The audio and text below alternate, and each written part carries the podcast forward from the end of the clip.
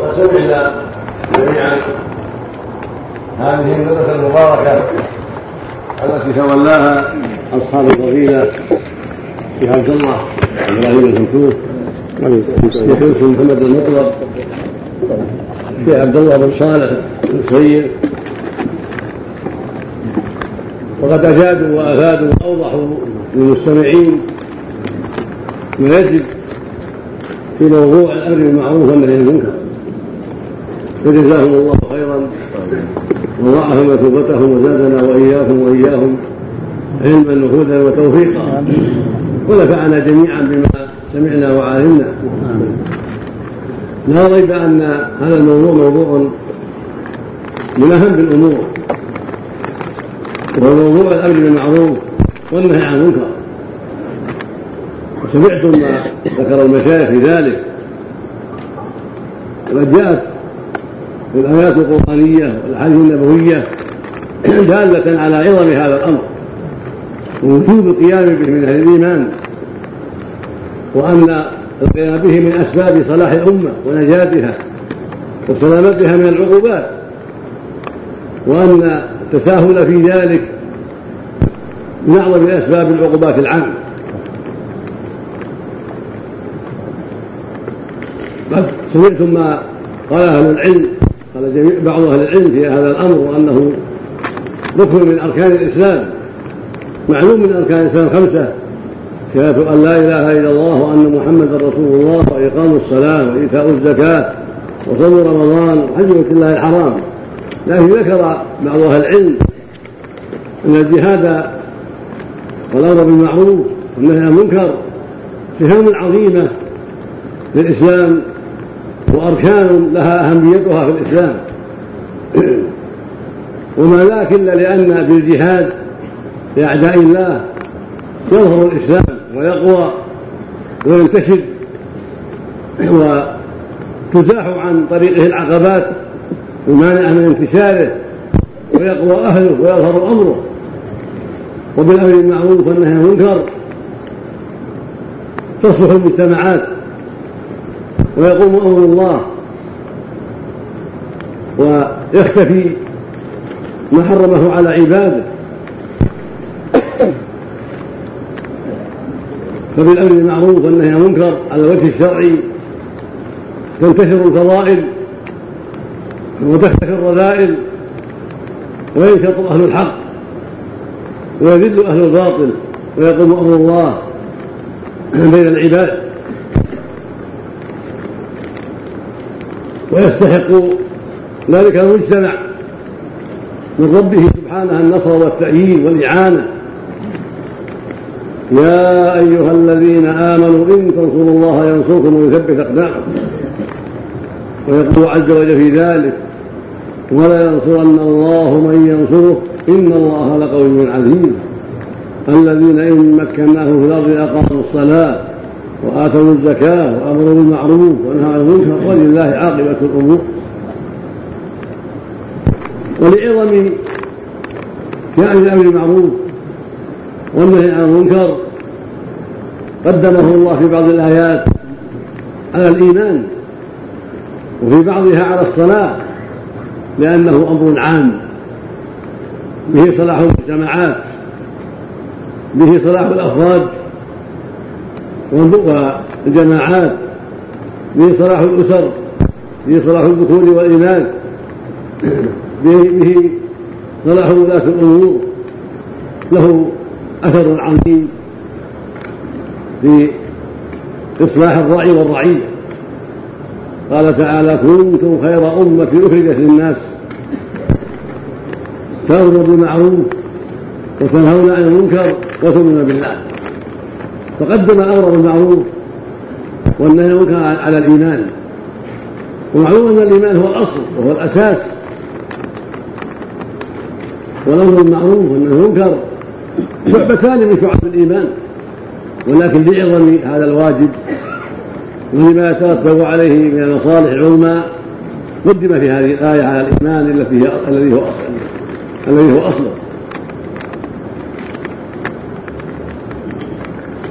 وفي آية التوبة قدم الأمر والنهي على الصلاة والزكاة. قال عز وجل والمؤمنون والمؤمنات بعضهم أولياء بعض يأمر بالمعروف وينهون عن المنكر ويقيمون الصلاة ويؤتون الزكاة ويطيعون الله ورسوله. أولئك سيرحمهم الله إن الله عزيز حكيم.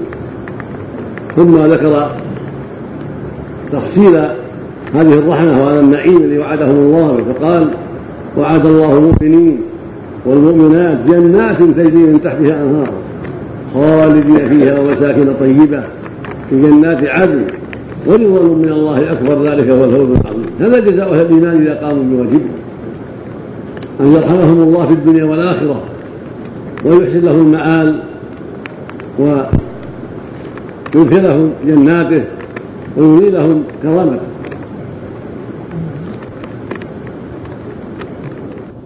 وقد بين سبحانه وتعالى مصير كفار بني إسرائيل كفار بني إسرائيل لما ضيعوا هذا الواجب ذكر مصيرهم اللعن والطرد عن الرحمة وذمهم وعادهم على هذا العمل القبيح. وقال عز وجل لعن من بني إسرائيل على لسان داود وعيسى بن مريم ذلك بما عصوا وكانوا يعتدون. ومبين هذه المعصية وهذا الاعتداء فقال كانوا لا يتناهون عن منكر فعلوه لبئس ما كانوا يفعلون. ثم ذكر بعد ذلك امرا آخر وأن هذا التساهل جرهم إلى تولي الكفار وموالاتهم ترى كثيرا يتولون الذي كفروا ولبئس ما قدمت انفسهم أن سخط الله عليهم في العاده الخالدون المقصود أن التساهل في الامر يجر إلى بلاء عظيم. وإلى فساد كبير. فينبغي المؤمن أن يعرف مقامه في هذا الواجب وأن يشارك فيه بكل ما يستطيع.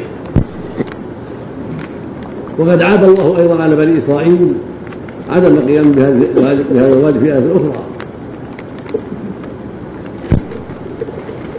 من جهة أنهم أن بعضهم يأمر بالمعروف وينسى نفسه. وهذا أيضا بلاء آخر نسأل الله العافية. فقال سبحانه وتعالى أتأمرون الناس بالبر وأن وتنسون أنفسكم وأنتم وأنتم تتلون الكتاب فلا تعقلون. فنعى عليهم أنهم لا يعقلون. الذي يأمر الناس ويضيع نفسه. قد فقد العقل الحقيقي. هذا بوالديه. كل من له تعلق به. يعتني بذلك بالأساليب النافعة وأسلوبه مع أولاده. ليس كأسلوبه مع مع والديه. فلوالديه أسلوب صالح رفيق حكيم. حتى يجتهد حتى يقوم على الحق ويستقيم على الحق.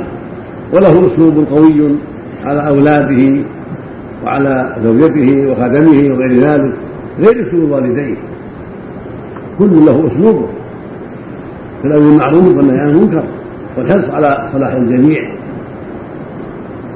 وهكذا مع جيرانه ومع أصدقائه ومع قراباته ومعارفه لا تحمله صحبتهم أو اخوتهم على المداهنة بل يتقي الله في ذلك ويأمر بالمعروف وينهى عن المنكر في القريب والبعيد في أصحابه وأقارب غيرهم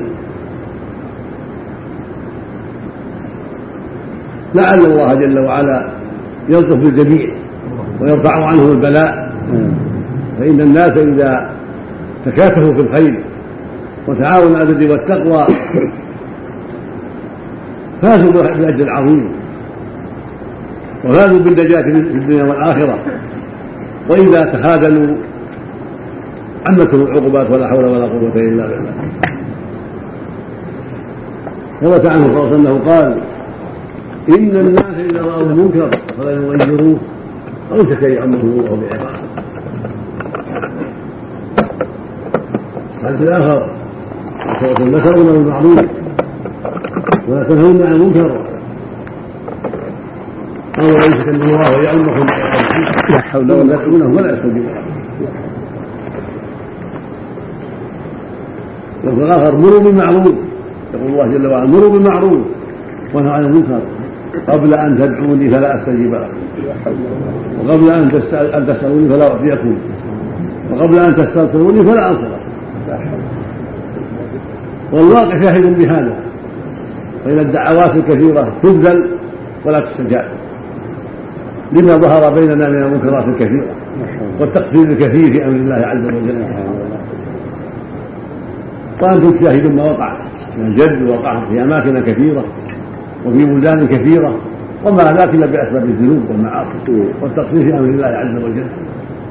كما يقول سبحانه وما أصابكم من مصيبة فبما كسبت أيديكم ويعفو عن كثير كما نزل في أفريقيا وفي غير أفريقيا وعندنا في أماكن كثيرة من بلادنا كله بأسباب ذنوبنا وتقصيرنا في أمر الله عز وجل.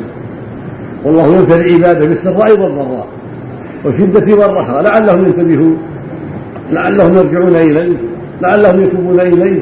هذا من رحمته سبحانه وتعالى. فإنه لو بسط رزق لعباده لبغوا في الأرض.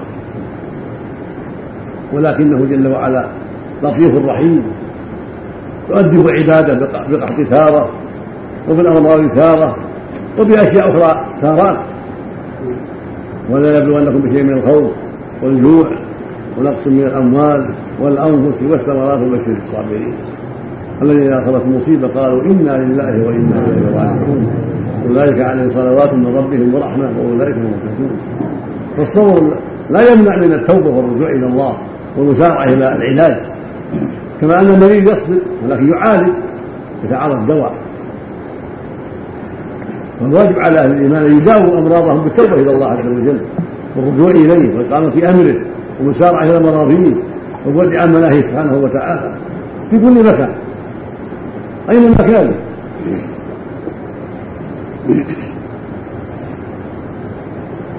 وبلوناهم بالحسنات والسيئات لعلهم يرجعون. يعني ليرجعوا عن الباطل إلى الحق والهدى. يقول سبحانه ولا يذيقنهم من العذاب الأدنى. دون عذاب الأكبر لعلهم يرجعون. يعني يرجعوا العذاب الأدنى. أنواع. فالجد نوع من العذاب والرياح العاصفة المهلكة نوع من العذاب. والبرد الشديد الذي يضر الزروع ويفسدها نوع من العذاب. وتسديد العدو نوع من العذاب. غور المياه نوع من العذاب إلى غير هذا. فالعقوبات متنوعة. لكن أهل الإيمان ينتبهون ويرجعون بالتوبة النصوح والاستقامة والتعاون على الخير والأمر بالمعروف والنهي عن المنكر. وغلب الخلق لا ينتبه. غلب الخلق كالبهائم لا تنتبه لشيء. لا حول ولا قوة لا يدرون لماذا جرى هذا ولماذا جرى هذا. كالبعير الذي عقله أهله ثم أطلقوه. ولا يدري لماذا عقل ولماذا أطلق. هذه حال أكثر الخلق كما قال عز وجل أم تحسبوا أن أكثرهم يسمعون أو يعقلون؟ انهم إلا كالأنعام بل هم أضل سبيل. هذه حال الاكثرين ولا حول ولا قوة إلا بالله. قال سبحانه ولقد ذرأنا لجهنم كثيرا من الجن والإنس لهم قلوب لا يفقهون بها ولهم عين لا يبصرون بها ولهم آذان لا يسمعون بها. أولئك الأنعام. أولئك الأنعام بل هم أضل. أولئك هم الغافلون. فهل يليق بالعاقل يشبه بهؤلاء؟ لا يليق بالمؤمن ولا بأهل الخير أن يتشبهوا بهؤلاء.